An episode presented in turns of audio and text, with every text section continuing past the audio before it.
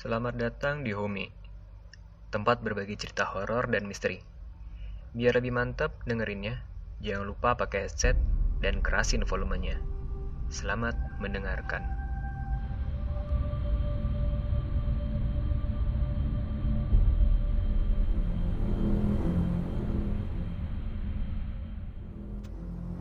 Assalamualaikum warahmatullahi wabarakatuh.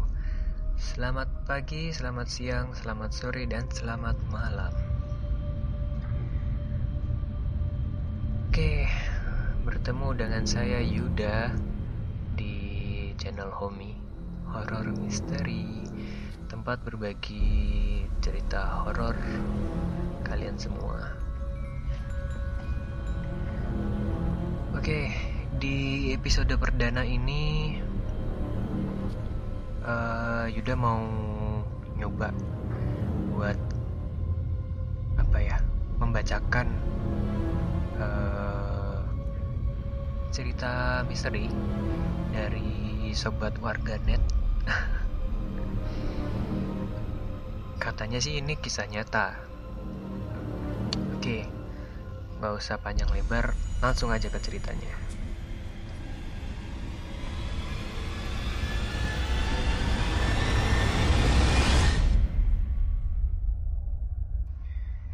Halo, perkenalkan, nama saya Dede Solihat. Saya berasal dari Karawang. Untuk pertama kalinya, saya menceritakan tentang kisah saya. Dan kebetulan ini pengalaman saya sendiri. Berawal dari bulan Desember 2017, saya baru pertama kali bekerja di Jakarta Selatan. Tepatnya di perusahaan online shop.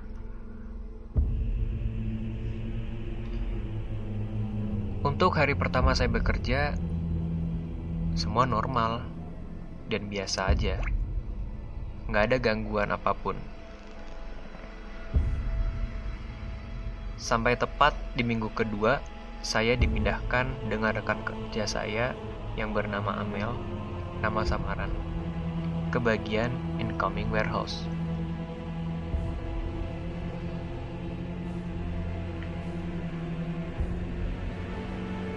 Saya dan teman saya ditugaskan di area belakang untuk membereskan barang-barang yang sudah siap diproses. Kebetulan sekali, di area belakang itu terdapat banyak sekali tumpukan kardus yang tidak beraturan. Saya dan rekan kerja saya langsung mengerjakan tugas yang diberikan oleh leadership.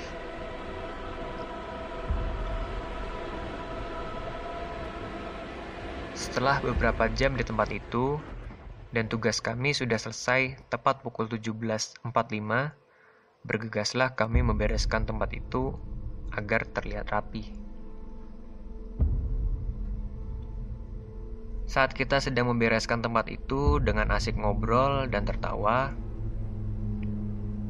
lalu tidak sengaja saya melihat ke arah teman saya, dan saya melihat ada sosok kakek-kakek tanpa kepala memakai baju serba hitam berada di belakang teman saya. Seketika saya terdiam. Dan saat mengedipkan mata, sosok itu menghilang. Teman saya heran melihat saya yang melongo melihat dia. Akhirnya, teman saya menghampiri saya dan bertanya, "Dek, kamu kenapa?" Kok ngeliatin aku kayak gitu? Dengan mimik muka yang kebingungan. Tadi aku lihat ada kakek-kakek tanpa kepala di belakang kamu. Saya menjawab dengan nada terbata-bata. Ah, kamu salah lihat kali. Udah, jangan dipikirin. Ayo lanjutin biar cepet istirahat. Jawab Amel dengan santai. Saya hanya mengawan kepala dan lanjut membereskan tempat itu meskipun sejujurnya saya merasa takut. Gak lama, saya melihat ke arah teman saya lagi yang berada tepat di bagian belakang saya. Dengan sangat hati-hati, saya menengok ke arah belakang. Dan ternyata kakek-kakek itu muncul lagi. Tepat di belakang teman saya. Saya bingung harus bagaimana. Sampai datanglah leadershipku laki-laki dan rekan kerjanya perempuan. Panggil aja Petir dan si Rindu yang sedang hamil masuk tiga bulan. Mereka berdua menghampiri kita dan seketika aku berlari menghampiri mereka dengan sangat tergesa-gesa dengan mimik muka yang pucat.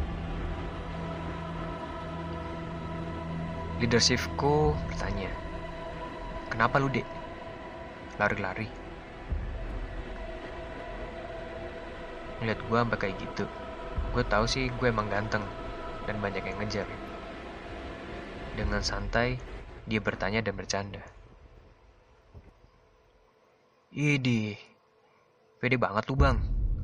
Perut buncit juga. Timpal rindu sambil tertawa. Di situ saya masih diem dan gak ngejawab apa-apa. Sampai Amel datang dan bicara. Bang, masa tadi si Dede bilang lihat kakek-kakek tanpa kepala di belakangku? Halu banget kan? Seketika suasana yang tadinya berisik menjadi hening dan semuanya diam.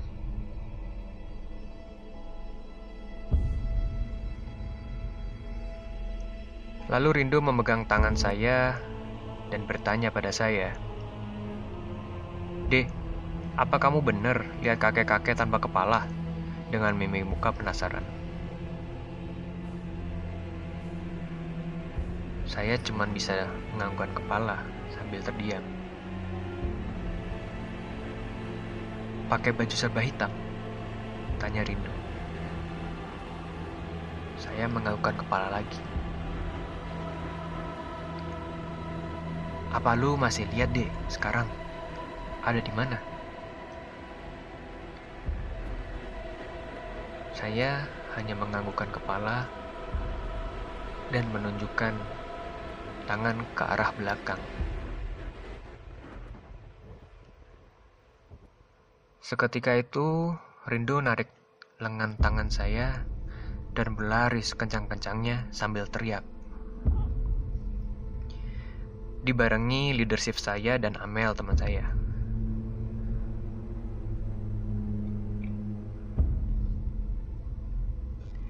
Sesampainya kita di depan tempat yang banyak orang, seketika Rindu menceritakan bahwa memang dari dulu banyak yang melihat sosok kakek-kakek tanpa kepala itu.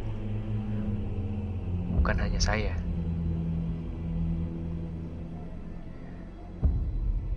Di situ banyak sekali orang yang melihat kita. Karena kita tadi teriak kencang banget. Dan akhirnya, aku tidak pernah lagi ditempatkan di area belakang itu. Sekian, terima kasih.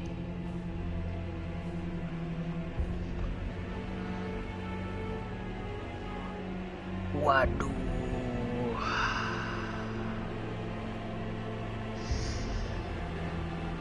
Mak, rada PR sih. Ternyata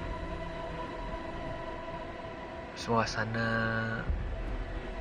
ngebawain cerita horor tuh beda ya.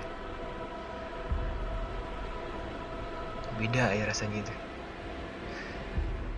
cerita apalagi ceritanya kayak gini duh horor-horor sedap lah ini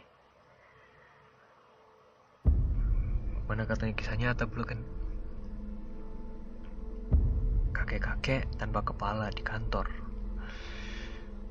Banyak sih sebenarnya kalau di kantor itu. Cerita-cerita kayak gini. Apalagi gua bagian kudang kayak gitu kan. Wah.